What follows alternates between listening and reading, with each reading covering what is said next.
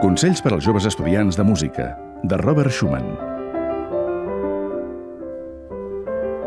Procura arribar a comprendre la música escrita sense tocar-la, només de llegir-la.